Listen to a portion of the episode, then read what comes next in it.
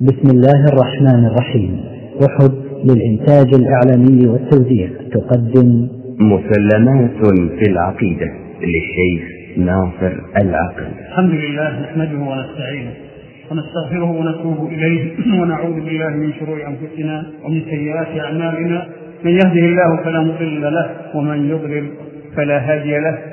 وأشهد أن لا إله إلا الله وحده لا شريك له.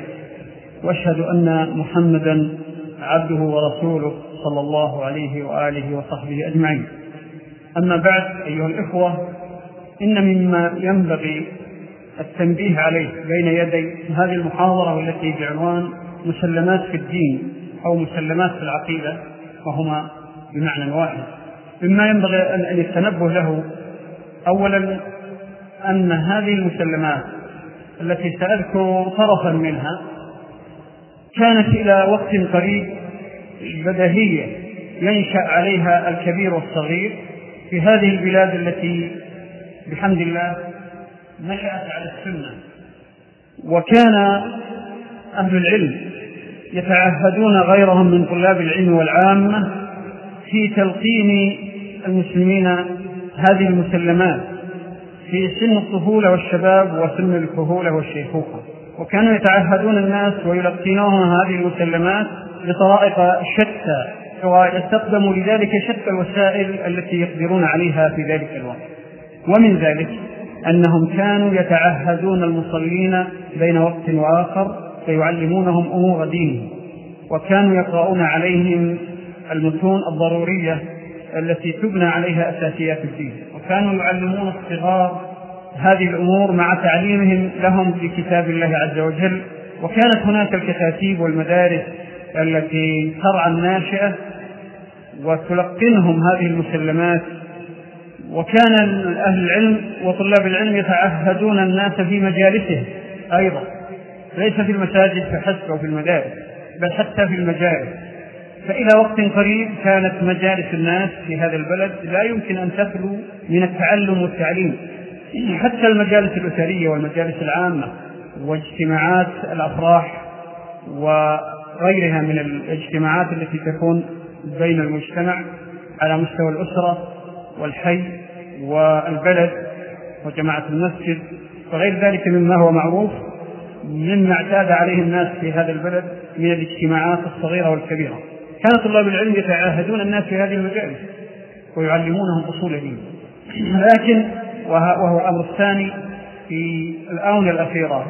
لما كثرت مصادر التلقي وتداعت على هذه الأمة الأمة المسلمة وهذا المجتمع بصفة خاصة في هذا البلد تداعلت عليه الأمم بعقائدها وأفكارها وأخلاقها بكل الوسائل الشيطانية التي توفرت من الفضائيات ووسائل الإعلام المقروءة والمسموعة والمرئية فنجد الواقع الآن أن الأمة الآن تتحول تحولا مخيفا عن دينها وعن أخلاقها وأن هذا المجتمع الذي نعيش فيه المجتمع الذي عاش على السنة والفضيلة بحمد الله استهدف من جميع أعدائه في الداخل والخارج فكثرت الفتن والصوارف عن دين الله عز وجل والدعوة إلى ما يفسد العقيدة والفضيلة وبدأت البدع تخرج أعناقها. البدع العقدية والفكرية والثقافية والبدع العملية كذلك. بدأت تخرج أعناقها على أيدي أناس من الأعداء بل ومن أبناء جلدتنا ويتكلمون بألسنتنا ويدعون أنهم منا. ويمدون لنا اليد الشمال ويدفعوننا باليمين وهذا استوجب على طلاب العلم أن يعيدوا للأمة التذكير بمسلمات الدين. وقد يقول قائل لماذا نتحدث عن المسلمات ونحن بحمد الله في بلد كثر فيه التعليم والقراءة والكتابة؟ أقول نعم. ومع كثرة التعليم كثر الجهل بالدين. وهذا الواقع ومن شاء فليستعرض في ذهني واقع كثير من شبابنا ومثقفين ومفكرين ومن هم في مراكز التأثير في الفكر والأدب وغيره على ناشئة الأمة يستعرض في ذهنه ماذا عندهم من المسلمات ليس عندهم إلا القليل النادر وأغلب ما يوجد عند الكثيرين ما يزعزع العقيدة ويشكك في هذه المسلمات بسبب ما ذكرته لكم من المؤثرات الوافدة عبر الوسائل التي هجمت علينا من كل حدث وحدث. نعم موضوع هذه المحاضرة هو مسلمات في الدين أو مسلمات في العقيدة. والمقصود بالمسلمات هي أصول الدين وأركانه والمناهج التي يقوم عليها الدين علما وعملا اعتقادا وعملا. وسأذكر طائفة من هذه المسلمات على سبيل التمثيل لا سبيل الحصر لأن الحديث عن المسلمات يطول.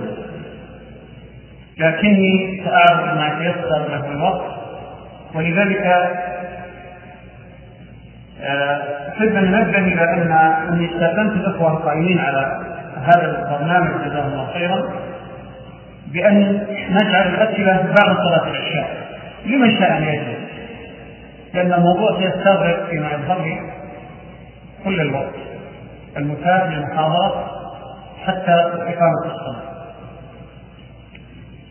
والآن لنتحدث عما يتيسر مما هو معلوم بالضرورة من مسلمات الدين التي لا يسع المسلم أن يجهلها وهي التي تحت الفريضة أو تدخل تحت الفريضة الواجبة على كل مسلم ومسلمة. أول ذلك أول هذه المسلمات ما يتعلق بمصادر الدين. وأعني بالمصادر الأمور التي يستمد منها الدين. وهذه من أخطر الأمور التي يعني تزعزعت في قلوب كثير من مثقفين ومفكرين بهذا العصر. واتبعوا فيها أهل الأهواء وهم لا يشعرون. ذلكم أن مصادر الدين طبعا إنما هي القرآن الكريم. كلام الله عز وجل وما صح عن رسول الله صلى الله عليه وسلم من قول أو فعل أو تقدير. ويعبر عن ذلك تعبير الشرعي بالكتاب والسنة كتاب كتاب الله والسنة سنة رسول الله صلى الله عليه وسلم. هذه مصادر الدين وليس غيرها. لا يجوز لأحد أن يستمد الدين من غير هذين المصدرين. قد يقول قائل والإجماع. نعم. الإجماع مصدر من مصادر الدين لكنه مصدر لا يستقيم. فالمرء الإجماع لا يكون إلا إذا استمد من الكتاب والسنة. بل لا يوجد إجماع يعول عليه في العقيدة من مسلمات الدين إلا وهو مستمد من الكتاب والسنة. بل لا يحدث إجماع في الدين إطلاقا معتبر إلا ويستند على نصوص الكتاب والسنة.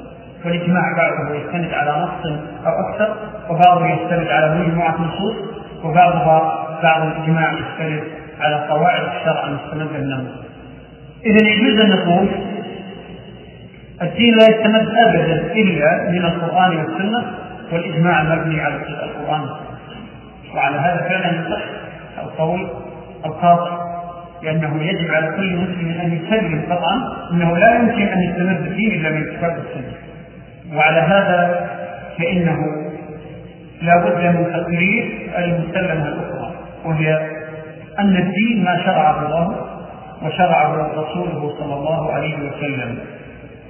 ثم المسلمة المسلمة الثالثة؟ وهي أن الله قد أكمل الدين. وهذا الكمال باق إلى قيام الساعة.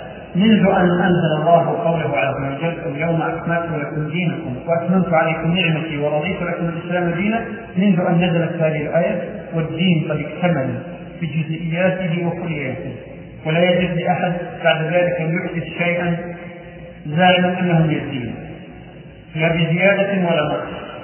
لأن النبي صلى الله عليه وسلم قال من أحدث في أمرنا هذا ما ليس منه فهو رد.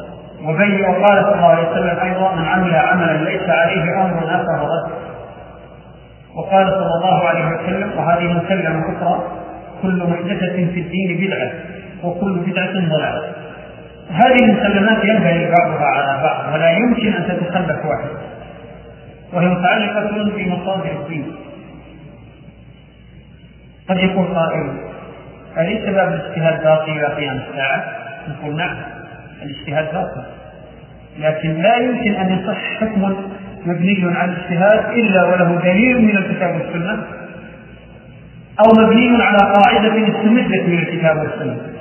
وهذه مسلمة لا بد منها وإلا باب الأهواء في الدين. وإلا أيضا انتقض اعتقادنا بأن الله أكمل الدين. وانتقد اعتقادنا بأن الله ختم النبوة. وانتقض اعتقادنا بأن الله بأن الوحي انقطع. لأن الناس لو اختلفوا ولو إلى جزئية واحدة من الدين لم يشرعها الله ولا رسوله أو خفيت بمعنى لا يوجد لها دليل يحتاج إلى وحي.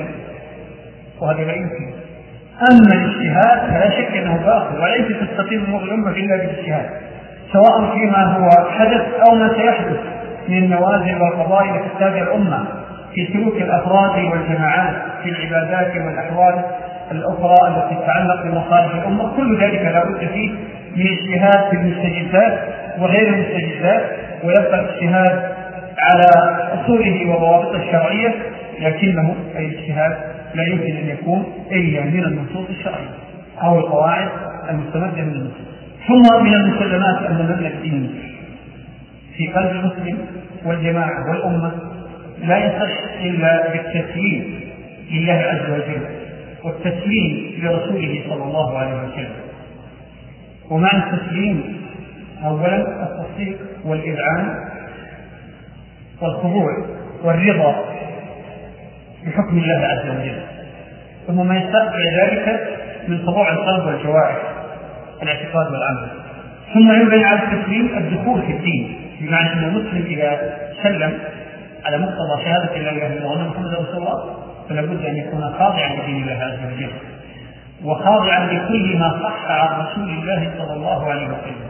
وعلى هذا لا تقل إلا مسلمة أخرى وهي أن كل ما جاء في كتاب الله وكل ما صح عن رسول الله صلى الله عليه وسلم من قول أو فعل أو تقرير وجب قبوله.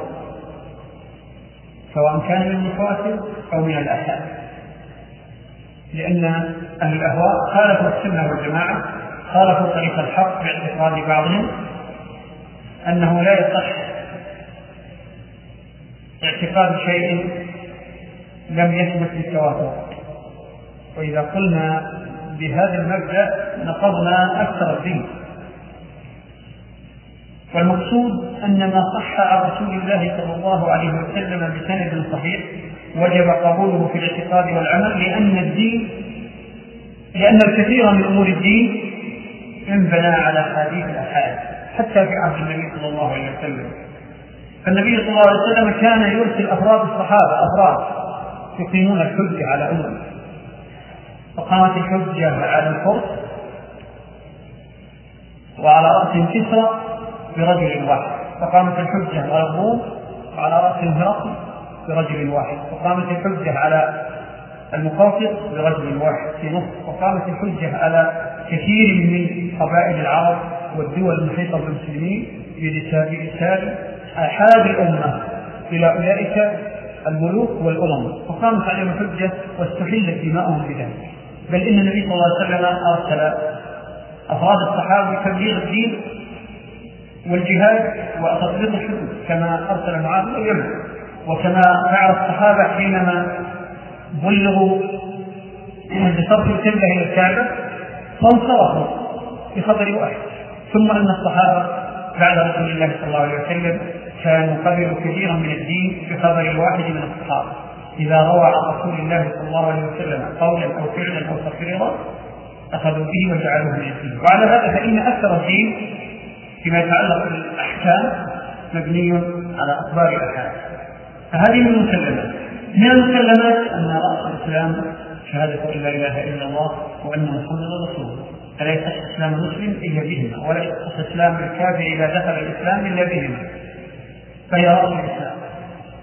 لكن يتبع هذا مسلمة أخرى وهو أنه لا تصح ولا تعتبر الشهادتان إلا بشروطهما. لو أن إنسانا شهد لا إله إلا الله أن محمد رسول الله. إذا كان يعمل وهله نقول دخل الإسلام. لكن إذا لم يعمل بمقتضى الشهادتين خرج من الإسلام. إذا لم يعمل بمقتضى الشهادتين ويعمل بشروطهما خرج من الإسلام. فلنفرض أنه شهد أن لا إله إلا الله وأن محمد رسول الله لكن أبى أن يعمل أي عمل من أعمال الإسلام. لا الصلاة ولا أركان الإسلام أخرى ولا شيء من أعمال الإسلام. رفض رفض فيكون ارتد بعد دخول الإسلام والمسلم الذي أصلا نشأ في بلاد مسلمة أو بين المسلمين ثم كان الأصل فيها يشهد لا إلا الله محمد رسول الله لكنه لم أعرض عن الدين بالكلية ولم يقم بشروط لا إله إلا الله محمد رسول الله خرج من مقتضى الإسلام. ودلائل ذلك نصوص كثيرة لا يتسع الوقت لذكرها لكنها معلومة عند أهل العلم. وينبغي أن تكون مسلمات الدين. ولذلك لما طلب النبي صلى الله عليه وسلم من المشركين أن يعصموا دماءهم وأموالهم بشهادة أن لا إله إلا الله وأن محمدا رسول الله أبدا. لماذا؟ لأنهم يعلمون أن وراءه ما عمل وشروط. فإذا سهل كلمة لا إله إلا الله. لكن كانوا يعلمون مقتضى فقههم بالعربية ومقتضى ما هم عليه من الإدراك العام لثلاثة الرسل السابقين والبدهيات التي يعلمها سائر البشر ما لم تنسخ فطرهم بالمعلومات المضادة.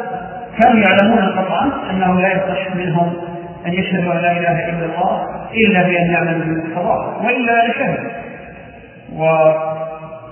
ومن أساسيات الدين ومسلماته أن الدين لا يقوم إلا على أركان وواجبات وشروط. وأول ذلك ما يتعلق بمراتب الدين الثلاث وما يدخل فيها من الأركان. المرتبة الأولى الإسلام فلا يصح إسلام المسلم حتى يسلم بأركان الإسلام الخمسة ويعمل بما يستطيعه منها يعلمها أولا ثم يعمل بها ثانيا بحسب استطاعته. ولا يصح إسلام المسلم إلا من يؤمن بأركان الإيمان الستة وما يندرج تحتها من أصول. الإيمان بالله وملائكته وكتبه ورسله وبالقدر اليوم الآخر وبالقدر خيره وشره من الله عز وجل. هذه الأركان الستة. لا تصح وحدها مجرد فقط. لو أن إنسان آمن بالله لكنه أنكر أسماء الله وصفاته وأفعاله. جحد ما يلزم لله عز وجل من التعظيم والتوقير والمحبة. فإنه يكفر وإن أقر بالإيمان بالله وركن أركان إذا هذه الأركان الستة كالأركان الخمسة في الإسلام. لها شروط لا يصح الإقرار بها لا يصح أيضا من المسلم أن يعترف بها مجردا عن شروطها وضوابطها وقواعدها التي فصلت في النصوص الشرعية الأخرى. مثال ذلك وهو أن التسليم بهذه الأركان ليس فقط بمجرد ألفاظها إنما يلزم منه الأخرى الإيمان بالملائكة لو أن إنسانا آمن بالملائكة وبجميع أركان الإيمان الأخرى لكنه قال أنا لا أصدق أن جبريل من الملائكة بل أرى أنه عدو للبشرية هل يصح إسلامه؟ هل يصح إيمانه؟ المبدأ أقر به لكن لوازم هذا المبدأ وأركان هذا المبدأ وواجبات هذا المبدأ أقر بها إذا من المسلمات الإيمان بأركان الإيمان؟ الستة وما يلزمها وما يلحق بها من أصول وردت في النصوص القطعية. كذلك من مراتب الدين الإحسان وهو أن تعبد الله كأنك تراه فإن لم تكن تراه فإنه يراك إذا كل ركن من أركان الدين يتفرع عنه أصول ضرورية تعتبر من مسلمات الدين. وهذه الأصول تجب على كل مسلم بحسب ما يريده من الخبر نحن نعلم أن تعلم هذه الأصول واجب على كل مسلم وهو فريضة. لكن مع ذلك فإن الذي يتعين عليه هو ما يرد إليه بالتكليف ويرد إليه بالتعليم فما تعلمه من أصول الإسلام وجب أن به وما لم يصل إليه ربما يعذر به إذا ما كان من أركان الإيمان ولا أركان الإسلام. وإذا لم يكن من الأعمال الضرورية المعلومة من الدين بالضرورة. من المسلمات؟ أن الدين إنما يتمثل بالسنة وهو حبل الله المتين وهو صراط المستقيم والدين هو سبيل المؤمنين.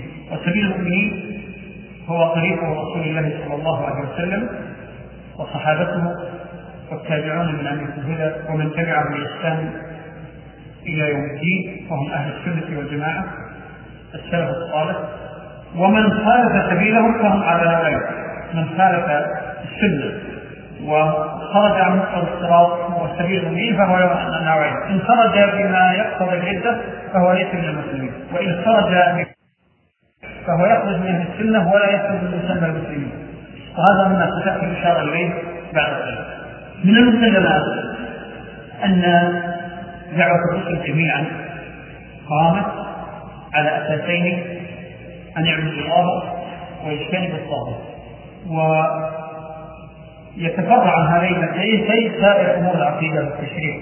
ثم من المسلمات أن الدين عند الله الإسلام لا يقبل الله من البشر غير الإسلام. كما قال عز وجل إن الدين عند الله الإسلام. وقال سبحانه ومن يبتغي غير الإسلام دينا فلن يقبل منه. وقال النبي صلى الله عليه وسلم في الحديث الصحيح الذي رواه مسلم وغيره والله لا يسمع بي رجل من هذه الأمة يهودي ولا نصراني ثم لا يؤمن بي إلا دخل النار. والنبي صلى الله عليه وسلم أقسم على ذلك قسم. وخص اليهود والنصارى لأنهم أهل الكتاب. فغيرهم إذا من باب أولى. إذا كان اليهودي والنصراني وهو من أهل الكتاب إذا سمع بالنبي صلى الله عليه وسلم ولم يؤمن به دخل النار وحكم عليه بالكفر الأكبر فغيرهم من أهل أصحاب الديانات الوضعية الوثنية والنفاق والردة من باب أولى وهذا ينبغي أن تكون المسلمات يتفرع عن هذا مسلمة أخرى. كثر فيها الصوت الآونة الأخيرة وهذا برهان ما أشرت إليه قبل قليل من أن بعض المسلمات ضاعت في بعض الأجيال المتأخرة خاصة عند بعض المثقفين والمتعلمين الذين لم يتمكنوا من تعلم أصول الدين الضرورية هل من هذه المسلمات أنه لا بد من الحكم بكفر الكافرين الكفر وأنهم من أهل النار؟ هذا أمر لا ينبغي أن يجاد فيه مسلم. الكافرون الكفار هم اليهود والنصارى وجميع الديانات الوضعية والوثنية كل من لم يشهد أن لا إله إلا الله أن محمدا رسول الله. ويدخل في ذلك المنافقون الصلة ويدخل في ذلك المرتدون هؤلاء يدخلون في حكم الكفر الصالح وأنهم من أهل النار وهذا الكلام إجمالي هذا الحكم إجمالي. لا يتعلق بالمعين لأن المعين لا نعلم على أي حال لقي الله عز وجل سواء مسلم أو كافر لكن يبقى الحكم على العموم وعلى الظاهر ونحن لا نعلم إلا بالظاهر ولذلك نحن نحكم بالظاهر. فعلى هذا لا يجوز من المسلمات التي لا يجوز الجدال فيها أن الله حكم بكفر الكافرين الغرة من غير من كان من المسلمين أما من كان من المسلمين أو كان مسلما فحكم الحكم بكفره يحتاج إلى قواعد أخرى ليس هذا المكان الحديث عنه. اذا الأصل في المسلمين الإسلام والأصل في الكفار الكفر ولا ينبغي المسلم أن يجادل في هذه المسلمة إلا بما يحكم به أهل العلم على ضوء قواعد الشرع. الله عز وجل يقول إن الذين كفروا من أهل الكتاب المشركين في نار جهنم خالدين. ولم يرد في الكتاب والسنة استثناء أحد من الكفار أبدا. وحكم الله فيهم قال أنهم كفار وأنهم من أهل النار أما مسألة الحكم على المعين فهذه مسألة أخرى تحتاج إلى التفصيل والإسلام هو دين الله في كل زمان بحسبه. فالإسلام في عهد جميع الأنبياء هو ما جاء به كل نبي. ثم الإسلام بعد بعث النبي صلى الله عليه وسلم هو ما جاء به الرسول صلى الله عليه وسلم من هذا الدين.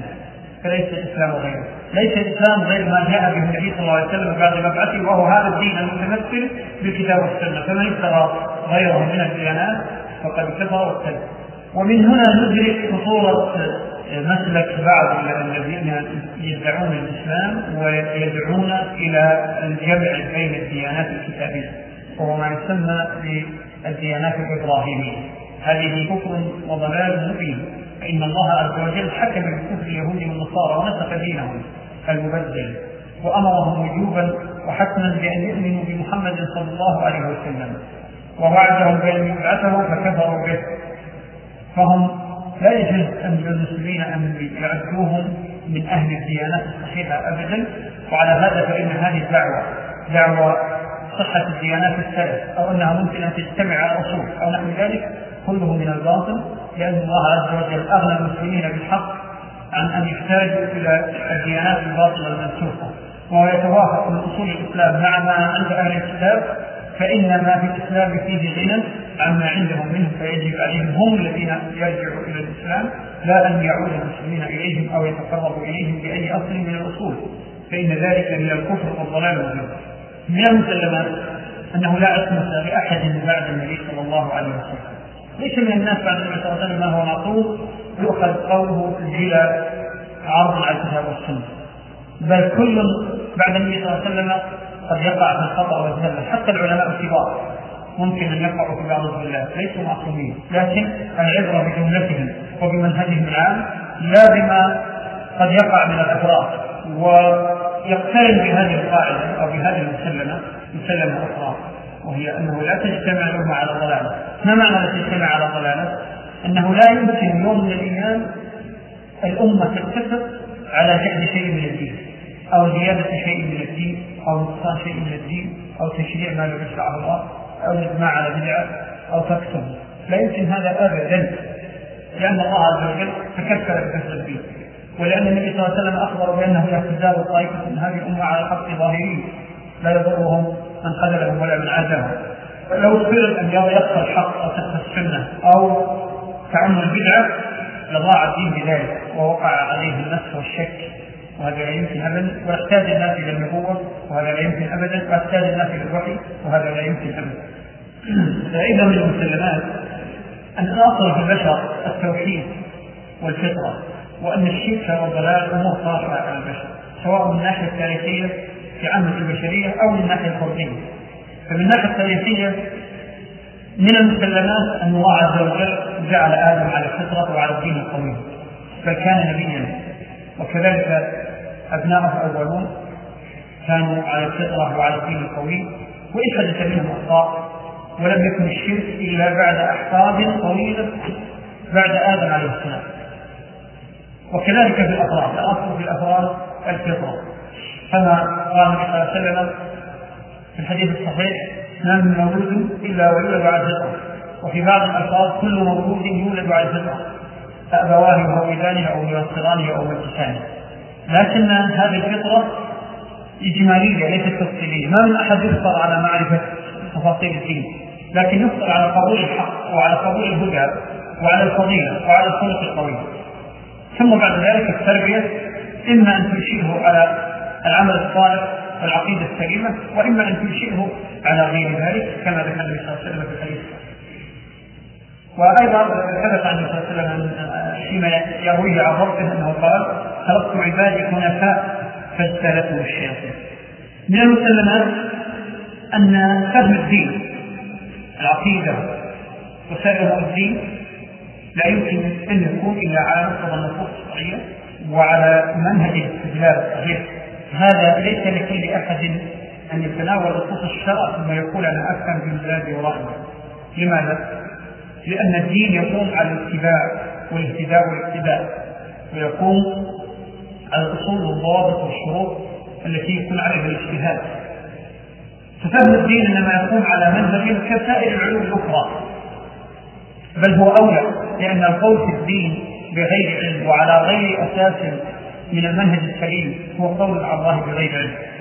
فلا بد أن تفهم العقيدة وسائر الدين على منهج شرعي في الاستدلال والتلقي واعني بذلك. أن قضايا الدين على نوعين بعضها ممكن أن نقول فطري وبديهي. هذا يفهمه عامة. الناس وبعضها يحتاج إلى استمداد من الكتاب والسنة على ضوء قواعد الاجتهاد. هذا ليس لكل أحد أن يجتهد في الدين بمجرد رأيه وبمجرد مزاجه فلا بد أن توافر فيه شروط الاجتهاد. لماذا؟ لأن الله عز وجل قال فاسألوا أهل الذكر إن كنتم لا تعلمون. وقال سبحانه في الذين تنازعوا في الدين. قال ولو ردوه إلى الرسول وإلى أولي الأمر منهم لعلمه الذين يستنبطونه منهم وهم العلماء. ولذلك نوه الله عز وجل عن الراسخين وأنهم هم الذين يعلمون ما أشكل من كثير مما ورد في نصوص الكتاب والسنة. ولأن الله عز وجل أخبرنا بطائفة من أهل الزيغ والضلال يتبعون ما تشابه من نصوص الشرع. كما قال سبحانه فأما الذين في قلوبهم زيغ فيتبعون ما تشابه منه ابتغاء الفتنة وابتغاء تأويله. وما يعلم تأويله إلا الله وفي قراءة أخرى صحيحة وما يعلم تأويله إلا الله والراسخون في العلم. إذا هناك جزء كبير من أمور الدين. ليس لكل أحد أن يتناوله بذاته فأقول ما لم تتوافق فيه الشروط والضوابط الشرعية للاجتهاد. من هنا أحب أن أنبه على ظاهرة مزعجة وخطيرة على الأمة وهي أن كثيرا من الناس أصبحوا جراء على القول على الله بغير علم وجراء على القول في الدين بلا دليل أو يأخذون الدليل على غير معرفة في منهج الاستدلال. يتناولون الدين في قضايا العقيدة والإحكام بمجرد أمثلتهم وأهوائهم بمجرد أن يعرفوا النصوص ويتصفحوها. وهذا لا شك أنه خطأ عظيم وباب فتنة. ومن هنا ندرك أيضا مدى عبد الشيطان بهذا الصنف من الناس وهم أكثرية اليوم. وندرك هذا الظاهر أيضا من خلال ما نلاحظه في مجالس الناس اليوم. ما من تطرح قضية من قضايا الدين إلا وأن تجد أجهل الحاضرين هو أجرأهم على القول فيها. وهذا أمر خطير جدا لأنه قول على الله بغير العلم وهو من أعظم الذنوب من كبائرها. فمن هنا يحسن أن نتنبه وننبه على هذه القضية لأن الجرأة على القول بغير العلم الآن القول على الله بغير العلم كثرت واستهان الناس بالعلماء. ولم يعودوا يرجعوا إلى أهل الاختصاص من أهل العلم. بعضهم يقول مقولة في الحقيقة تدل على الجهل المركب يقول إننا إذا حجرنا الدين على العلماء هذه كهنوتيه كما تكون عند النصارى وغيرهم. هذا لا شك إنه جهل مكبر الدين لا شك إنه يعني دون الله عز وجل وأمر الله جميع البشر بأن يلتزموا الدين لكن الدين كغيره من العلوم بل هو أعلى من غير أعلى وأجل من أن في, أن يصان وأن يحترم. لا بد له من مناهج للاستدلال وطرائق وشروط وضوابط لا تتوفر لكل واحد. وهذا إذا كان في كل علم فكيف بما يتعلق بعلوم الشرع؟ أقول أننا ندرك جميعا الآن أنه لا يجوز لأحد أن يتكلم في الطب إلا إذا كان متخصص ولا في الهندسه إلا إذا كان متخصص ولا في غيرها من العلوم الاخرى إلا إذا كان متخصص مع أنها من علوم الدنيا. ولو تكلم أحد من غير أهل التخصص عابه الناس. بل تجد أكثر الناس إذا تكلم أو أراد أن يتكلم بمجرد رايه في هذه العلوم تجده يحترز من أن يتكلم عند المتخصصين يخشى أن يعاد ومع ذلك الجرأة على الدين وعلى العلوم الشرعية كثرت مع أنها أولى أن تحترم بسبب اختصاص. فليس فعلا ليس بالدين كهنوتية ولا لفعل دين التحقيق لكن الدين علم من العلوم التي ينبغي أن تؤخذ على أصولها ومناهجها وقواعدها وشروطها. وإلا لماذا أرسل الله عز وجل إلى سؤال أهل الذكر وإلى الرجوع إلى الراسخين وإلى احترام العلماء؟ والنبي صلى الله عليه وسلم ذكر أن العلماء هم ورثة الأنبياء وقال بأن الأنبياء لم يورثوا درهما ولا دينارا إنما ورثوا هذا العلم وهو الدين. فعلى هذا لا يجوز وليس لأحد أن يتناول أمور الدين دون أن يستوفي الشروط وإلا فقد قال على الله بغير علم وافترى على الله الكذب. وهذه ينبغي أن تكون من المسلمات. من المسلمات في الدين أنه لا يجوز التفرق في الدين ويجب التزام السنة والجماعة كما أمر الله عز وجل واعتصموا بحبل الله جميعا ولا تفرقوا. ومن المسلمات أن الافتراق واقع في هذه الأمر فحين نهانا الله عن التفرق في الدين فقد أخبرنا أن التفرق سيكون. كما قال سبحانه عن الأمم ولا يزالون مختلفين إلا ما رحم الله فالافتراق واقع لا شك لكن لا يعني ذلك أن جميع الأمة تقع في الافتراق بل لما أخبر النبي صلى الله عليه وسلم في كل افتراق أخبر أن طائفة تبقى على الحق ظاهرين وهم الجماعة وهم أهل السنة. ولما سأل الصحابة عن هؤلاء من هم قال من كان على ما أنا عليه اليوم وأصحابي. وبهذا نعرف تميز أهل السنة والجماعة بهذا الوصف. الافتراق واقع في طوائف من المسلمين وقد يكون الأكثرية لأن الإسلام قد يكون في غربة أحيانا. ذكر النبي صلى الله عليه وسلم أن هذا الدين سيعود غريبا كما بدأ غريبا. والغربة مشكله قد تكون في زمن دون زمن وفي مكان دون مكان. لكن لا يمكن أن يلمح الدين بالكليه ابدا لابد أن يبقى أهل السنة وأهل الحق. وهم الطائفه المنصوره التي ذكرها النبي صلى الله عليه وسلم. لابد أن يبقوا إلى قيام الساعة بقوله صلى الله عليه وسلم في الحديث الصحيح لا تزال طائفة من أمتي على الحق الظاهرين لا يضرهم من خذلهم ولا من عادهم حتى تقوم الساعة.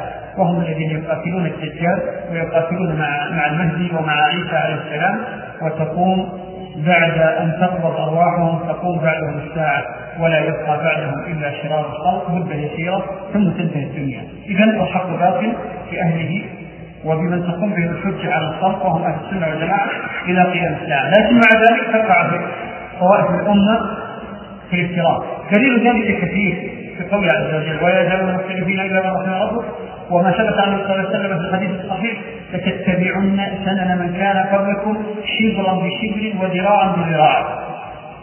وفي بعض الروايات حذو القبلة بقبلة. وضرب النبي صلى الله عليه وسلم لذلك مثلا قال حتى لو دخلوا جحر رب تبعتموه. هذا يعني طوائف من الأمة وليس كلها. ومن يبقى على الحق هم أهل الحق هم الذين على السنة ولذلك سموا أهل السنة. هم الجماعة المعتصمون بحبل الله ولذلك سموا الجماعة. ولذلك قال النبي صلى الله عليه وسلم لما ذكر الاهواء والفتن قال عليكم بسنتي وسنه الخلفاء الراشدين المهديين عضوا عليهم بالنواجذ وقال عليكم بالجماعة. فإن يد الله مع الجماعة فإن يد الله على الجماعة. إلى آخره من النصوص التي تدل قطعا أنه من المسلمات الضرورية أن الجماعة لابد أن تبقى وإن قلت ولا بد أن تظهر السنة وإن قل أهلها. وهؤلاء هم الذين على نهج السلف الصالح وهم الطائفه الذين وصفهم النبي صلى الله عليه وسلم وهم الذين على البيضاء كما ذكر النبي صلى الله عليه وسلم في وصف السنة. البيضاء ليلها كنهارها لا يزيغ عنها إلا هالك. من المسلمات أنه بعد وقوع الاختراق لا شك ان الاختراق وقع وهو خبر الله وخبر رسوله صلى الله عليه وسلم الذي لا لا يكذب. لا وقع ووقوعه حق وصدق فلا بد من التسليم بذلك لكن الشأن في أن ينقذ كل مسلم نفسه من الوقوع في الأهواء ويحذرها وإلا فالافتراق لابد أن يقع والشرور والأهواء والبدع. والافتراق لابد أن تحدث إلى قيام الساعة وتتجدد أيضا. لكن يبقى مسلمة ينبغي أن يفهم المسلم وهي أنه مع وقوع الافتراق فإن المفارقين المفارقين السنة والجماعة على صنفين الصنف الأول الذين يخرجون من المله نسأل الله العافية فهؤلاء لا يعدون من فرق المسلمين. لا يعدون من السنتين السبيل التي ذكر النبي صلى الله عليه وسلم في الحديث الصحيح. تفترق قالوا ستفترق هذه الأمة على 73 فرقة كلها هالكة إلى واحدة أو كلها في النار إلى واحدة. هذه الواحدة هي السنة والجماعة. لكن الفرق التي تفارق الجماعة إلى أمر تخرجها من المله ليس من الفرق السنتين والسبعين المتوعدة ليس من الفرق الثنتين والسبعين الهالكة الهالكة عن السنة. فهؤلاء يخرجون من الملة مثل غلاة الجهمية ومثل الرافضة الباطنية الفلاسفة أهل الردة المنافقون الخلص ونحو هؤلاء. هؤلاء لا يعدون وإن انتسبوا للإسلام لا يعدون من فرق المسلمين. لكن الذين خالفوا السنة في البدع والأهواء والاختلاط ولم يقعوا فيما يخرج من الملة وهم الأكثرية من فرق المسلمين وهم السنتين والسبعين هؤلاء من المسلمين لكنهم ضلوا. يسمون أهل الأهواء يسمون أهل البدع يسمون أهل الاختلاط من أهل الوعيد وأعمالهم وافعالهم هي من أكبر الكبائر الذنوب ويخشى على الواحد منهم اذا ما تاب يخشى عليه أن يدخل النار. إذا لم يتغمده الله برحمته. على أي حال أقول أنه الفرق الثنتين والسبعين مثل أكثر فرق الخوارج والمرجئة وبعض فرق القدرية وأكثر المعتزلة وأهل الكلام متكلمة الأشاعرة والماتريدية وأكثر الفرق التي تعد من فرق المسلمين هذه لا تخرج من الدين. وتعد من الفرق المخالفة للسنة. لا الخارجة عن الإسلام. وهذا لا أحسب أنه ينبغي أن يكون من المسلمات. لماذا؟ لأنه اتفاق عند أئمة السلف المحققين. ما خالف فيه إلا بعض من يفعلون هذه القاعدة من المتأخرين. لكن بعض هذه الفرق التي سميتها وغيرها. قد يكون من أفرادها من يغلو أو يتعصب حتى يرد نصوص الكتاب والسنة فهذا يخرج من الملة. لكن الكلام على العموم على عموم هذه الفرق فهؤلاء لا يخرجون من الملة إلا إذا ارتكبوا ما يقتضي خروجهم بمقتضى اجتهاد المحققين من أئمة الدين. بمقتضى اجتهاد المحققين من أئمة الدين. فليس لأحد كل أحد أن يتناول مساله التكفير بمجرد رايه أو إذا لم يكن يتوافر فيه شروط الاصول في العلم.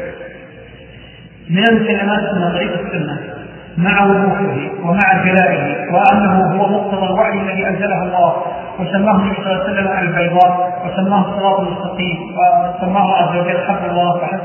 رغم وضوح السنة رغم وضوح الدين ونهج السلف الصالح الا أنه من المسلمات أنه قد يلتبس على بعض المسلمين. يلتبس على أهل الأهواء والابتداء والافتراء وعلى الجهال إذا لم يدعوا إلى أهل الحق وعلى المعرضين عن الدين لأنهم هم الذين وصفهم الله عز وجل بأنهم في قلوبهم زيغ فيتبعون ما تشابه منه ابتغاء فتنته وابتغاء تأويله فهذا الصنف من المسلمين الذين يضلون إلى البدع والأهواء واختلاف البدع قد يجهلون طريق السنة وإن كان واضحا. ذلك أن الهداية بيد الله عز وجل ليست بمقدرات البشر. فلا أحد من الناس ينفعه ذكاءه إذا لم يوفق الله عز وجل. ولا مقدرته إذا لم يوفق الله عز وجل. ولا مواهبه مهما قوية ولا أحد من الناس أيضا ينفعه علمه إذا لم يوفق الله للسنة والحق. فعلى هذا ينبغي أن نتوقف. أو نتأمل هذه المسألة تأمل اعتبار وعظة وعظة وندرك مدى وصية النبي صلى الله عليه وسلم في دعائه. يا مقلب القلوب والابصار ثبت قلبي على دينك وأن يسأل المسلم ربه العافية دائما. وأن يعتصم بالله ويدعوه ويدعو الله بأن يوفقه ويسدده. لأن المسلم مهما بل أي أي بشر مهما توافرت عنده المواهب والقدرات إذا لم يوفقه الله عز وجل فإنه قد ينتكس عن السنة وتخفى عليه وقد يزين له الباطل حتى يظن أنه الحق بل قد يبين له الكفر. ولذلك اشير إلى إلى إلى إلى ظاهرة في الآونة الأخيرة. عندما كثرت ظاهرة عند كثير من الشباب المتعلم عندما كثرت مظاهر الخروج عن السنة من قبل بعض المتعالمين والمغرورين من المثقفين وغيرهم تجد يعني كثرة سؤال الشباب عن هذه الظاهرة كيف فلان وهو نعرف أنه مثلا درس دراسات شرعية أو أنه تخرج من جامعة شرعية أو أنه مثلا عرف بأنه متعلم وقرأ الكتب الفلانية ودرس على المشايخ كيف تخفى على هذه الحقيقة؟ أقول نعم تخفى عليه لأن الله عز وجل ما أراد له خير. ولا يمكن أن يضل مثل هؤلاء إلا عن دخيله في قلوبهم. والله أعلم بما في القلوب لأن من يتق الله يجعل مخرجا لكن هؤلاء لابد أن يكون عندهم خلل فعميت بصائرهم. نسأل الله العافية عن الحق. والامور ما ترجع إلى إلى كما قلت إلى القوة والمواهب ترجع إلى توفيق الله سبحانه ولذلك يجب على المسلم خاصة إذا تهمت الفتن والصوارف عن الحق والسنة مثل ما هو في هذا الوقت يجب عليه دائما أن يكثر من الدعاء من دعاء الله عز وجل بأن يحميه ويوفقه ويسدده ويثبت قلبه على الحق والهدى وأن يلتزم أهل الحق لئلا يزيغ مع أهل الباطل. ومن المسلمات أن أهل السنة وأرجو تتنبه لهذا جيدا إن هناك دعوة الآن رفعت راية التشكيك في أصول أهل السنة. تشك في هذا المبدأ. من البديهيات ومن المسلمات أن أهل السنة. السنة والجماعة السلف الصالح أئمة الدين الذين هم يتمثل فيهم سبيل المؤمنين. الجماعة الذين هم على ما كان عليه النبي صلى الله عليه وسلم وكان عليه صحابته. إلى قيام الساعة أنهم لا يختلفون في أصل من أصول الدين أبدا وليس عندهم خلاف في قضايا العقيدة إطلاقا. وهذه مسلمة أتحدى أن أحدا يأتي بخلافها لكن قد توجد بعض المسائل ملحقة بأمور أصول العقيدة وليست من الأصول يختلف عليها السلف. تلحق من الناحية العلمية فقط. يعني مثلا السلف لا لا يشكون ابدا بوقوع الرؤية العينية من قبل المؤمنين لربهم في الجنة يوم القيامة نسأل الله أن يوفقنا لذلك جميعا. لا يشكون. لكن مع ذلك اختلفوا في الرؤيا العامة في المحشر مع أنها ثابتة قطعا لكن اختلفوا هل هي بالعين أو بالقلب. بينما رؤية المؤمنين لربهم في الجنة نسأل الله جعلنا جميعا منهم ثابتة بالعلم بالعلم لا شك فيها. ولا ولا إنسان بالسلف خلاف ذلك أيضا رؤية النبي صلى الله عليه وسلم لربه في المعراج ثابتة قطعا ومن أصول الدين. لكن هناك خلاف في نوع هذه الرؤية. في نوعها فقط لا في أصلها. أيضا السلف يعني ألحقوا كثير من المسائل بأصول العقيدة واختلفوا في هذه الملحقات الفرعيه لهذه الأصول. ولذلك أقول وأعيد فعلا وهذه ميزة يدركها من بصره الله بالبصيرة ووفقه الله للحق أن أهل السنة بحمد الله إلى يومنا هذا وإلى أن تقوم الساعة. أهل السنة والجماعة السلف الصالح ومن سلك سبيلهم لا يختلفون في أصل من أصول الدين اطلاقا. كلها ثابتة وليس عندهم أصل من أصول ليس عليه دليل. ومن هنا احب أشير إلى ما أثاره بعض المسلمين. والذين لبسوا على كثير من شبابنا الآن. ممن لم يوفقهم الله للهدى انقلبت قلوبهم عن الحق. نسأل الله السلامة. زعم أن كثيرا من أصول الدين عند السلف مختلف عنها. وكذبوا والله. وليس عندهم على ذلك دليل. وزعم أن أصول الدين ليست كلها من الكتاب والسنة. إنما هي تراكمات تاريخية بزعمهم. صنع السلف ردود أفعال. أيكون الحق يا إخوان ردود أفعال ضد المخالفين بل زعم زعيمهم أن أصول السلف وأهل السنة والجماعة كانت نتيجة صنع السياسة في عهد بني أمية وبني العباس وأن السلف ما هم إلا رجال خضعوا للسلاطين فقرروا من الدين ما يهواه السلاطين. وبدعوا من يخالف السلاطين وحكموا بقتل من لا يرضاه السلاطين وزعموا قاتلهم الله لا يؤفكون أن السلف ما قاموا ضد الجهمية إلا استجابة لرغبة بني أمية وما قاموا ضد المعتزلة إلا استجابة لرغبة الحكام وما حكموا بقتل جعفر بن الزائر إلا استجابة لسلاطين بني أمية وما حكموا بقتل الجهم إلا استجابة لسلاطين بني أمية. والعجيب ليس أن يقولوا هذا القول لأن هذا قاله أسلافهم في مر القلوب العجيب أن ينطلي هذا على أناس ينتسبون للعلم والسن من أبناء أهل السنة والجهاد. وفعلا يقع في نفوسهم أن السنة والبدعة سبحان الله. طبعا لهم في ذلك الشبهات لأنهم من الذين قال الله فيهم فأما الذين في قلوبهم زيغ فيتبعون ما تشابه منه. من القرآن والسنة والدين. ابتغاء الفتنة وابتغاء التأويل. ولذلك في الفتنة في مثل هذه المقالات في بعض شبابنا الآن. لأنهم صدقوا هؤلاء وأخذوا أو على الأقل زعزعوا عقائد بعض الشباب وجعلوهم يتساءلون التساؤل الذي يشك في البديهيات السنة لا يختلف في أصل الأصول لكن مع ذلك قد يكون من بعض الأفراد أهل السنة حتى العلماء أقوال شاذة. لكن ليست محسوبة على العقيدة. قد يكون منهم مواقف شاذة من بعضهم من أفرادهم ليس من جملتهم. في الجملة هم معصومون. في الجملة. لأن النبي صلى الله عليه وسلم يقول لا تجتمع أمتي على ضلال لكن أفرادهم ليسوا بمعصومين فقد يقع من إمام أهل السنة وعالم زلة في عقيدة أو زلة في قول أو زلة في موقف أو في خلق أو في تعامل مع الآخرين. هذه الزلات الدين بريء منها والسنة بريئة منها وتوزن بموازين الشرع ولا تحسب على السنة والجماعة. ولذلك لا نجد أصل من أصول السنة إلا وهو متفق عليه. ما لم يتفق عليه فليس بأصل. وما ليس له دليل من كتاب السنة فليس بأصل. وأيضا الأدلة لا يكون لا يكون عندهم السنة شيء من أصول الدين إلا له دليل صحيح. وما آثاره أولئك المفتونون الذين أشرت إليهم من أن أهل السنة يستدلون بالضعيف والموضوع هذه أقوام مجد لا ينبغي التصل على أحد.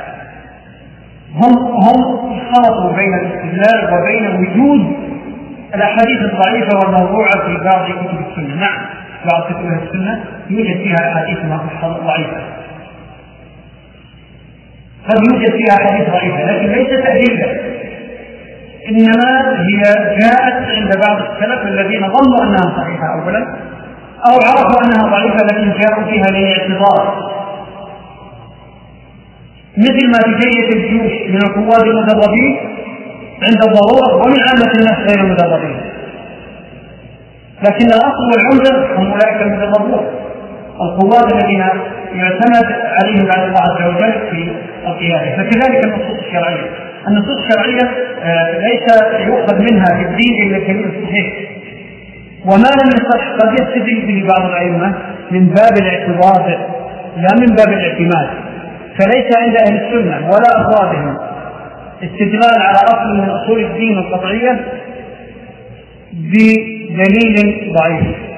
لكن يستدلون بالحديث الصحيح وبالآية وبالحديث الصحيح ثم قد يريدون الأدلة الضعيفة من باب الاعتراض لأنها محتملة الصحة أما الحديث الموضوعة فإن بعض الأئمة قد يرى صحة حديث أو يرى ضعف حديث موضوع فيرويه وغيره يرى أنه موضوع.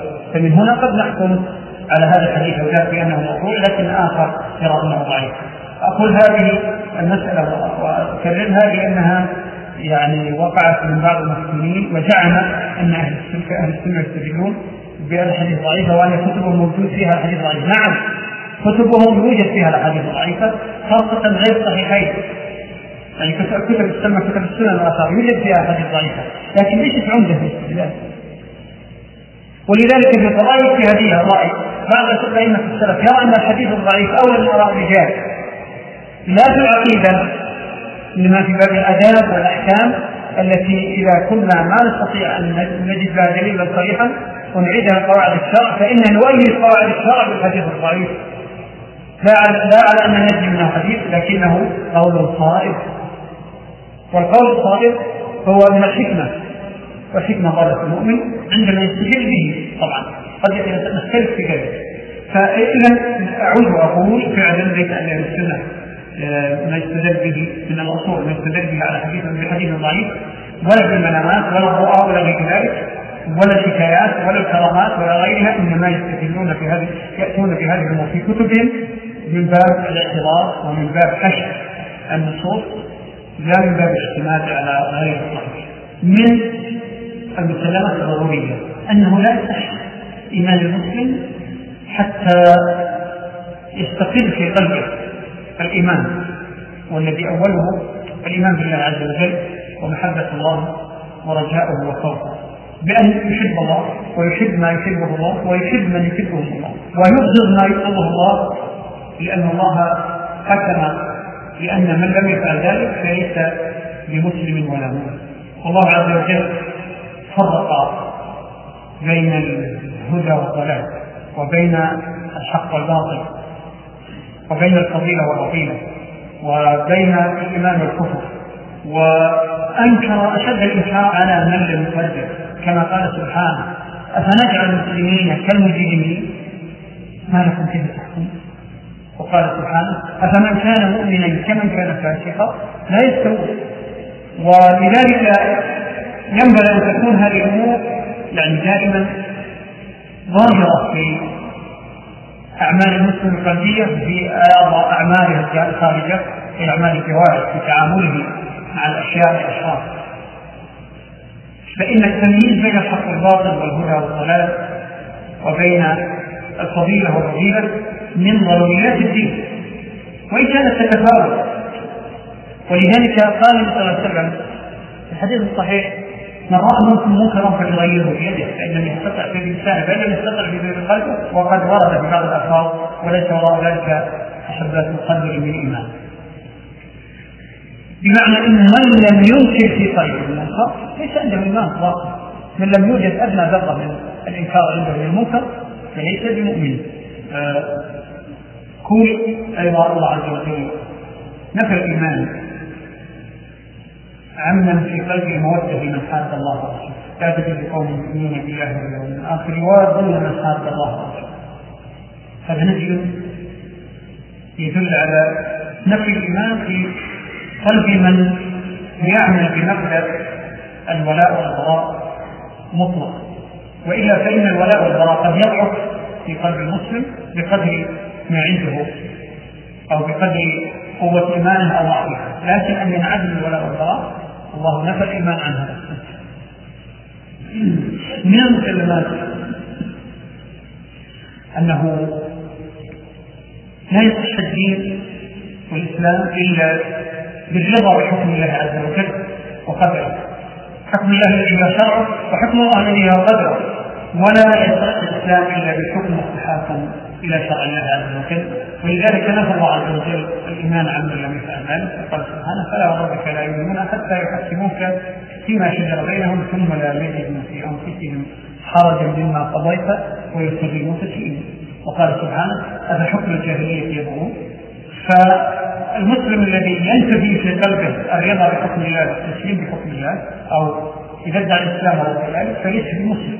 أما مخالفة ذلك في العمل يعني مخالفة التسليم بحكم الله عز وجل من حيث العمل الظاهر فهذه لها قواعدها. قد تكون حكم أكبر إذا كانت إعراض عن الدين الكلية أو تشريع بغير ما شرع الله عز وجل مضاهاة بشرع الله أو عدم الرضا بشرع الله أو نحو ذلك. هذه أمور يعرفها يعرفها أهل العلم بقواعدها. لكن المسلم هو أنه المسلمات الدين أنه لا يصح إيمان المسلم إلا بالرضا والتسليم بشرع الله حكما وتحاكما وقدرا وما لم يفعل ذلك فإنه ليس أما التجاوز في الأعمال فهذا في سائر الأعمال يكون في بعضها معصية في بعضها كفر إلى إلى غير ذلك. إذا قلنا في المسلمة الأولى أنه يجب التزام السنة والجماعة فكذلك نقول أن المخالف لأهل السنة والجماعة في أصل من أصول السنة لا يستحق مسمى السنة والجماعة. ما لم يكن هذا المخالف عالم جل في مخالفة أصل وليس في مخالفة المنهج مخالفة منهج السنة والجماعة كما كما عليه جميع أهل الأهواء والابتداء من الفرق هذا يغني من السنة.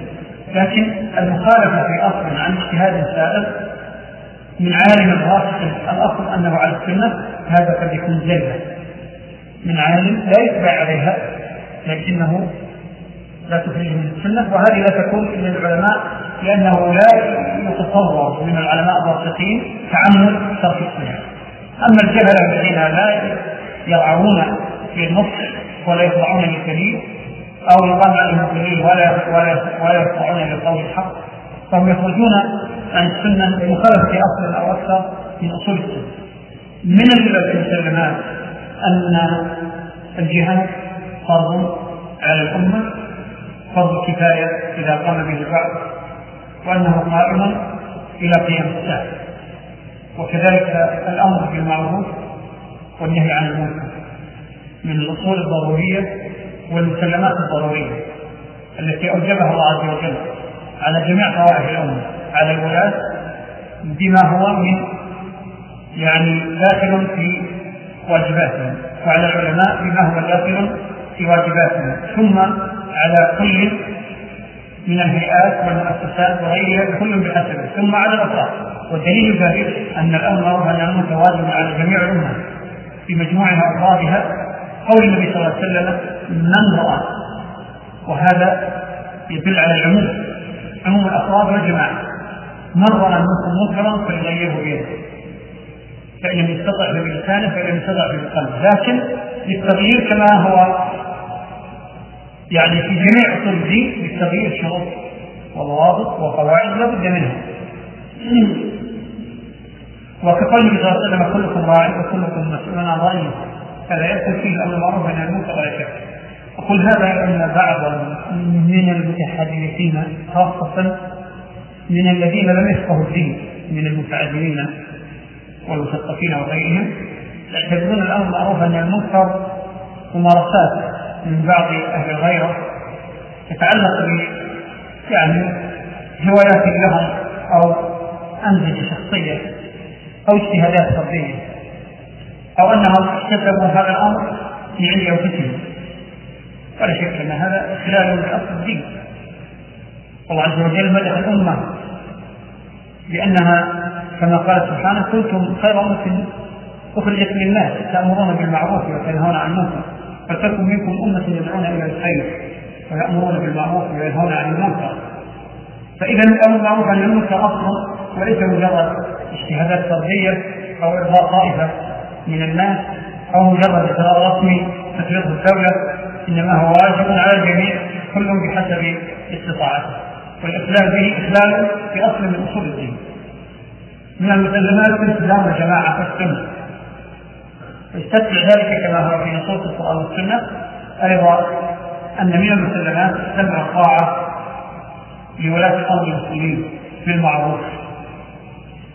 كما جاء بذلك النصوص المتكاثرة وكما عليه سلف الأمة من الصحابة والتابعين والبيت الهدى إلى يومنا هذا. ويستتبع ذلك أيضا وجوب الصبر على الظلم والأثر والجور فأنه لا يجوز الخروج على الإمام المسلم أو أنواع المسلم إلا بشروط وضوابط كأن يكون هناك ترك الصلاة.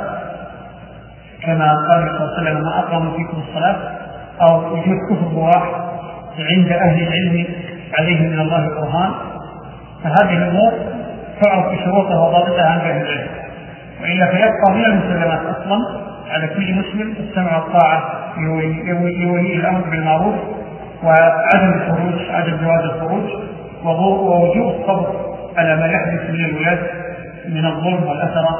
وهذا مقتضى نصوص هي من وصية النبي صلى الله عليه وسلم لأمته واتفق عليها سلف الأمة وخطر من خالفها. كما قال سبحانه أطيعوا الله وأطيعوا الرسول وأولي الأمر منكم.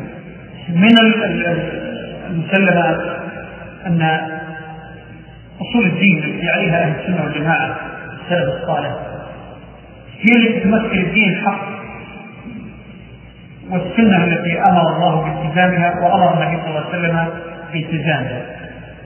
ولذلك حتما يسلم بناء على هذا بناء على اعتماد السنة والجماعة على أصول الدين وأنهم هم الذين سلموا من الاختلاط والأهواء والبدع وهم الذين بقوا على البيضاء وهم الذين على الصراط المستقيم وهم المؤمنون الذين توعد الله من خالف سبيلهم بقوله عز وجل من يشاكك الرسول من بعد ما تبين له الهدى ويتبع غير سبيل المؤمنين نوله ما تولى ونصله جهنم وساءت ولذلك فإن هذا النهج الذي عليه السلف الصالح هو الذي تكون به الحجة هو الذي عليه أئمة الهدى العلماء الراشدون العلماء المصلحون الراسخون الذين هم مرجع الأمة هم أهل الذكر إلى قيام الساعة ويتمثل فيهم المنهج الحق الذي هو الأسلم وهو الأعلم وهو الأحكم. وكل ما قاله الأصول خلاف ذلك في عقيدة السنة والجماعة فهو ناتج عن هوى أو جهل أو ظلم. كما هو؟ والطعن في سبيل السلف الصالح الطعن في أصول السلف الصالح أو في منهجهم أو في أشخاصهم في الجملة لمزهم بغير حق. كل ذلك إنما هو آه، من الأهواء والبدع ومن منهج أهل الهواء. وهذا الطعن يرجع إلى الدين نفسه كما سيأتي في الكلام عن حقوق الصحابة رضي الله عنهم. وعلى هذا فإن من المسلمات براءة السلف الصالح من السنة والجماعة إلى يومنا هذا. مما وقعت فيه الأهواء خوارج الروافض القدرية المرجئة الناصبة الجبرية المعتزلة الجهمية العصبيات الجاهلية الحزبيات الشعارات الصوفية أهل الكلام. كل هذه المناهج أهل السنة بريئون منها. ومن وقع فيها ممن ينتسبون للسنة هذه هذا خطأ يجب أن لا نكلفه يخطأ به صاحبه وإن كان من عالم فليزله وإن كان من غير عالم فليبدعه. ولا ينبغي لنا أن نجرب الأخطاء إذا وقعت ممن ينتسبون للسنة لكن الكلام على المنهج والأصل والجملة. فإن منهج أهل السنة والجماعة وأصولهم وجملتهم على الشخص الذي أمر الله بالاستمساك به والذي أوصى النبي صلى الله عليه وسلم بالاستمساك به وهو السنة سنته سنة الخلفاء الراشدين وهو الجماعة التي أمر الله ورسوله صلى الله عليه وسلم بالاعتصام بها. من الأصول الضرورية والمسلمات؟ محبة أصحاب رسول الله صلى الله عليه وسلم وأن محبتهم دين وإيمان وأن بغضهم كفر ونفاق بل كفر ونفاق. وأصحاب رسول الله صلى الله عليه وسلم يتفاوتون. فآل بيت رسول الله صلى الله عليه وسلم لهم حق خاص من المحبة والولاء وخلفاء الراشدون والعشر المبشرون بالجنة لهم حق خاص وأزواج رسول الله صلى الله عليه وسلم لهن حق خاص وهكذا. فلا شك أن الصحابة يتفاوتون بأفرادهم ومجموعاتهم. لكنهم كلهم في الجملة هم خير أصحاب نبي من الأنبياء. وهم خير الناس بعد النبيين. وهم أصحاب أفضل الخلق صلى الله عليه وسلم. وقد رضي الله عنهم ورضي عنهم الرسول صلى الله عليه وسلم ونهى عن سبهم أو سب أحد منهم. وهم نقلة الدين فإن الطعن فيهم يستهدف الدين نفسه ولا شك. ثم أن الطعن فيهم طعن في من هو أو هم صحابته وهو النبي صلى الله عليه وسلم. وهذا أمر معلوم عند الناس بالضرورة. فإنك لو طعنت في أصحاب شخص من الأشخاص أيا كان فإن ذلك لا بد أن يرجع إلى الإساءة إليه. الطعن في أصحاب رسول الله صلى الله عليه وسلم يرجع إلى الإساءة إليه. والطعن في إحدى أو في بعض أو في كل زوجات النبي صلى الله عليه وسلم إنما هو طعن في عرضه صلى الله عليه وسلم لأنهن فراشه ولا أقرب إلى عرض الإنسان من زوجته. فمن طعن في أزواج النبي صلى الله عليه وسلم فقد طعن فيه شخصا.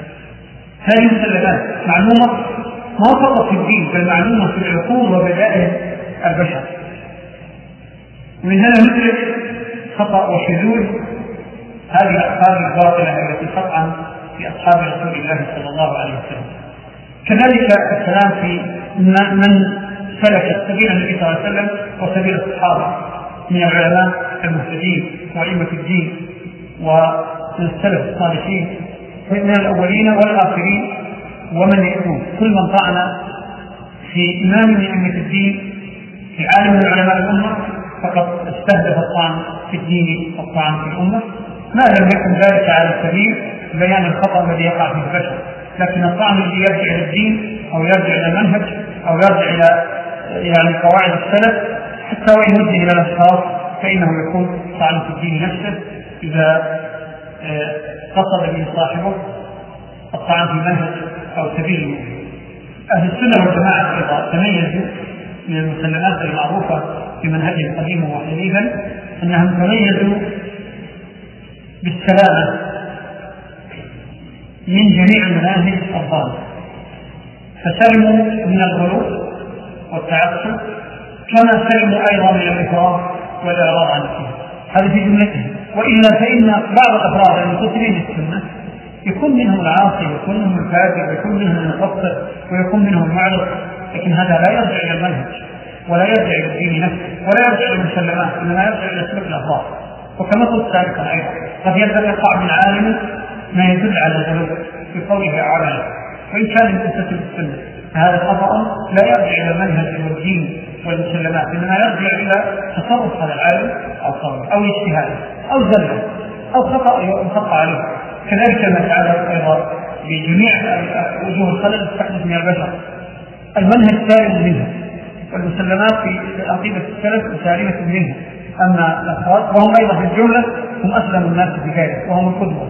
وهم أهل الاتباع الاقتداء والاهتداء بالنبي صلى الله عليه وسلم لأنهم الجماعة والجماعة وصفهم النبي صلى الله عليه وسلم بأنهم من كان على ما كان عليه النبي صلى الله عليه وسلم وصحابته والتابعون لهم بإحسان. أيضا أهل السنة والجماعة بريئون مما وصفهم به خصومهم من كل الآثار التي عيروهم بها. قديما وحديثا فقد وصفوا أي أهل الأهواء أهل السنة بأنهم حشوية. وذلك من الافتراء. وصفوهم بأنهم نواصب. وهذا من الافتراء. وصفوهم بأنهم أحيانا مرجع وهذا من الافتراء. وصفوهم بأنهم أهل غفلة وذروشة وهذا لا شك أنه من أعظم الافتراء. لأنه لا يعقل أن يكون هناك إمام في الدين راسخ في العلم. أن يكون من الدراويش وأهل التغفير لأن أهل الدروش والتغفير لا يؤتون الرسول في العلم. لا يؤتي يؤتى إلا ما أعطاه الله مواهب لكن وصفهم خصومهم بذلك لأنهم يتورعون عن المراء والجهل ويتورعون عن الدخول في المشتبهات ويتورعون عن مخالطة أهل الأهواء والفرقة. ويتورعون عن الدخول في مداخل السوء ومواطن الريبة. فسماهم خصومهم أو وصفهم خصومهم بالغفلة وبالسذاجة بسبب ذلك. وإلا لم نحتاج الصحابة رضي الله عنهم والتابعون وأئمة الدين إلى المواقف الصعبة التي تحتاج إلى علم راسخ وإلى ذكاء وإلى مواهب فاقوا غيرهم من أولئك المغرورين المتعالين المتعالمين من أهل الأهواء والبدع. وكلنا يعرف ما قام به أولئك السلف في الرد على الخصوم في مواقف مشهودة نصر الله بها الحق وأقام بها الحجة ثني عن ذكاء ورسوخ ومواهب عالية خص الله بها أهل العلم الراسخين من الصحابة وغيرهم. فابن عباس لما ناقش الخوارج حاجهم بمحاجة شرعية وعقلية يندر أن يوجد مثلها في التاريخ وكذلك علي بن أبي طالب رضي الله عنه أجمعين وكذلك عبد الله بن عمر وكذلك الذين واجهوا البدرية من متأخرة الصحابة واجهوهم بحجة. كذلك الأئمة الأربعة من أئمة المسلمين وعلى رأسهم الإمام أحمد عندما تصدى للجهمية المعتزلة في فتنتهم بالناس بأن يقولوا بالكفر وصد لهم بقوة الحجة والبيان ولم يعجز من أن يرد عليهم بأساليب شرعية لكنه تفادى أن يراوي وقد ذكر التاريخ مواقف لأئمة السنة تدل على أنهم على مستوى وهبهم الله إياه من المواهب والذكاء والحكمة بخلاف ما يتصف به خصومهم من أنهم أصحاب دروشة وتغفيل إلى غير ذلك. حتى صوروه لنا أن عند أكثرية كثير من أجيال المسلمين خاصة في العصور المتأخرة صور أهل الأهواء. أئمة الدين على أنهم عندهم نوع من الدروشة والتغفيل وهذا لا شك أنه من الجهل والبغي كذلك من التكفير والتبديع والتفسير والسب والشتم والأخلاق الرذيله لم يكن يعرف بها أهل السنة والجماعة أئمة أهل السنة والجماعة بل كانوا على درجة من الأخلاق والأدب بأدب الشرع والتورع عن الحكم في الناس والتورع عن التكفير. إلا من حكم الله بكفر واقتضت النصوص بيانه من مقالات الكفر والتحذير الامه منه. وهذه المسألة من المسائل التي أثارها بعض المسلمين في الآونة الأخيرة زعم. زعم أن من سمات السلف كثرة التكفير والتبديع والتفسير وإرهاب الخصوم قاتله الله أن يفكر حسبنا الله ونعم الوكيل. ما درى أن الله عز وجل يحمي أولياءه على أي حال أهل السنة والجماعة نعم يكفرون من كفره الله ورسوله؟ ويحكمون على المقالات الكفرية بأنها كفر سواء كانت عقائد أو أعمال أو أحوال. وأيضا من قامت عليه الحجة ممن وقع في الكفر يبينون كفره ويحذرون الأمة منه.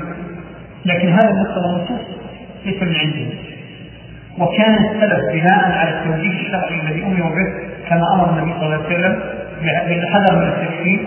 الحديث الصحيح إذا قال الرجل لأخيه يا كافر فقد باء بها أحدهما. كان السلف يحذرون كل الحذر من تكفير المعلم.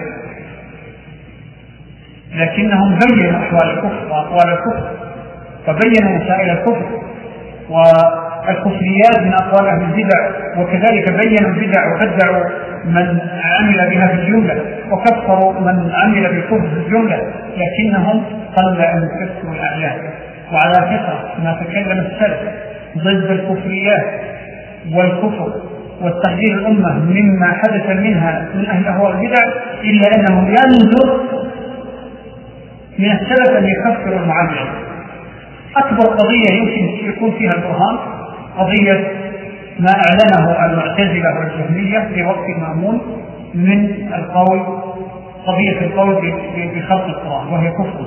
ومع ذلك تصدى لها السلف وتكلموا فيها كلاما مشهورا في المناظرات والمحاجات والخصومات وتكلموا فيها بالكتب والمؤلفات والرسائل وأدرجوها من كتبهم.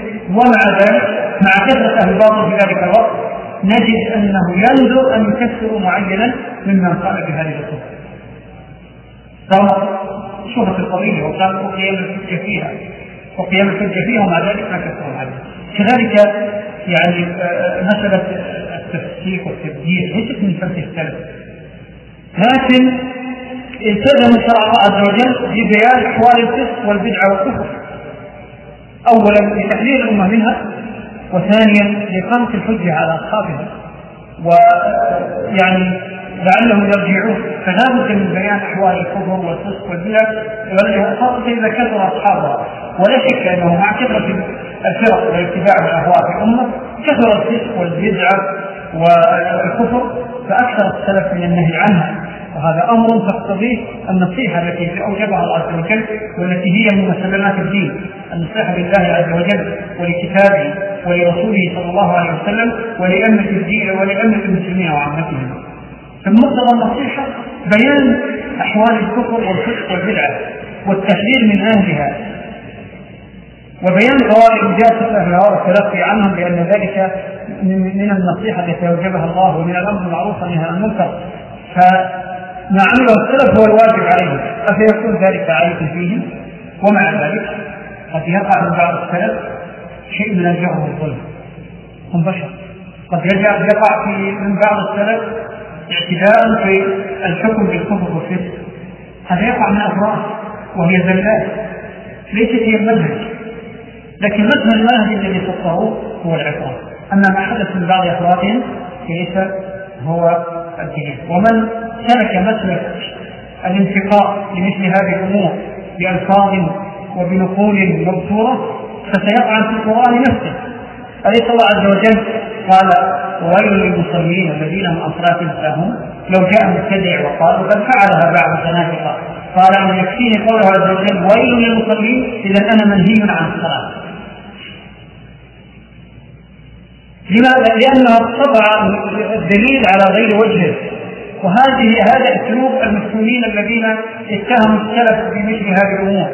أخذوا بمتشابهات الألفاظ وأخذوا بأحوال هي زلات أو أخطاء من بعض الفاظ السلف فجعلوها هي الاصل فراحوا يشككون في عقيدة السلف ومناهجهم ويشككون في المسلمات البدهيه التي عليها اجيال المسلمين حتى نشأ على هذا بعض المسلمين وبعض الجهلة وظنوا أن ذلك يقتضي إعادة النظر في سبيل السنة وسبيل المؤمنين.